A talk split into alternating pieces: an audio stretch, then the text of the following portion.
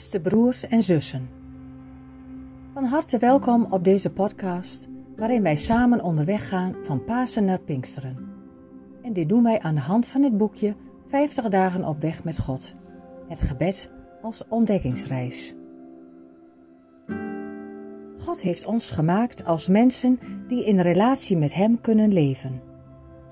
Nadat dat de zonde de relatie met God heeft kapot gemaakt, heeft Jezus de weg opnieuw geopend. Maar kunnen wij deze weg wel gaan? Wij lezen Romeinen 8, de versen 22 tot en met 27. Wij weten dat de hele schepping nog altijd als in barensweeën zucht en lijdt.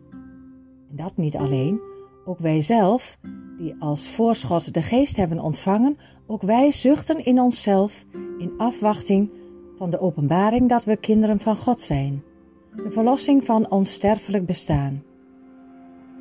In deze hoop zijn we gered. Als we echter nu al zouden zien waarop we hopen, zou het geen hoop meer zijn. Wie hoopt er nog op wat hij al kan zien? Maar als wij hopen op wat nog niet zichtbaar is, blijven we in afwachting daarvan volharden. De geest helpt ons in onze zwakheid. Wij weten immers niet wat we in ons gebed tegen God moeten zeggen, maar de geest zelf pleit voor ons met woordloze zuchten. God die ons doorgrondt, weet wat de geest wil zeggen. Hij weet dat de geest volgens zijn wil pleit voor allen die hem toebehoren.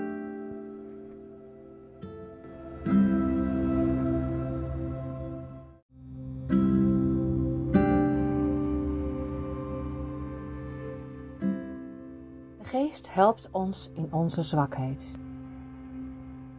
Paulus doet hier een krasse uitspraak. Wij weten immers niet wat we in het gebed tegen God moeten zeggen.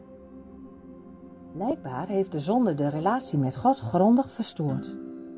Bidden is nu wel weer mogelijk, maar kunnen wij het ook? Of gaan we het gebed misschien gebruiken om er zelf beter van te worden?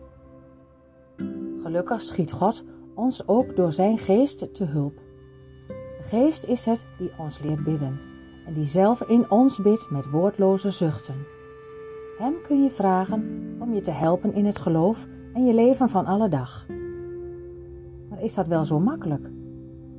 Misschien heb je iemand die gehandicapt is wel eens horen zeggen: Ik vind het zo lastig om een ander om hulp te moeten vragen. En dat is begrijpelijk. Blijkbaar is dat iets typisch menselijk. Door iets te vragen moet je erkennen dat je het zelf niet kunt. En het is toch veel mooier als je jezelf kunt redden? Dit kan een sta in de weg worden voor onze relatie met God. Als ik hem bid om de hulp van de Heilige Geest, moet ik toegeven dat ik het zelf niet voor elkaar krijg. Lastig? Ja, misschien wel. Je kunt er trots voor zijn, jezelf te groot voor voelen, eigenwijs zijn. En toch is dat het beste wat je kunt doen. Want eerlijk is eerlijk, het kwaad in de wereld kunnen wij niet overwinnen. In eigenwijsheid bidden naar Gods wil, dat redden we niet. En zullen we dan maar vragen om zijn geest? Want lukt het om goed te leven? Lukt het zonder de fout in te gaan? Zonder te zondigen? En lukt het dan om te bidden?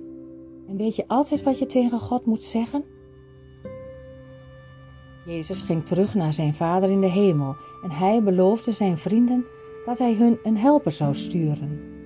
Hij bedoelde daarmee de Heilige Geest. Waarom moest de Heilige Geest komen? Omdat Jezus weet dat zijn vrienden niet zonder zijn hulp kunnen. Ze zijn zwak, omdat het niet lukt alles goed te doen. Het lukt niet om alles zo te doen zoals God het wil. En zelfs bidden is soms te moeilijk. De Heilige Geest kan jou dan helpen. Hij geeft de goede dingen in jouw gedachten. Hij geeft je kracht om te kiezen voor het goede. En hij geeft je zelfs de woorden om te bidden. Vraag eens aan de Heilige Geest voor wie jij mag bidden. Krijg je iemand in gedachten? dit dan voor hem of voor haar.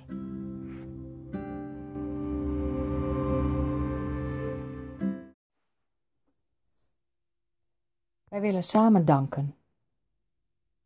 Heere God, wat mooi dat U ons aan alle kanten met Uw hulp omringt. Als de Vader boven ons, als de Zoon voor ons en als de Geest in ons, die ons wil helpen.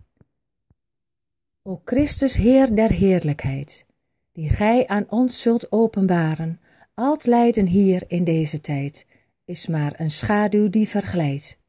Uw licht is niet te evenaren. Dank voor de geest ons toevertrouwd, die ons reeds nu die dag doet prijzen. Gij onze hoop en ons behoud. Geef ons het heil van ver aanschouwd, aan heel uw schepping te bewijzen. Amen.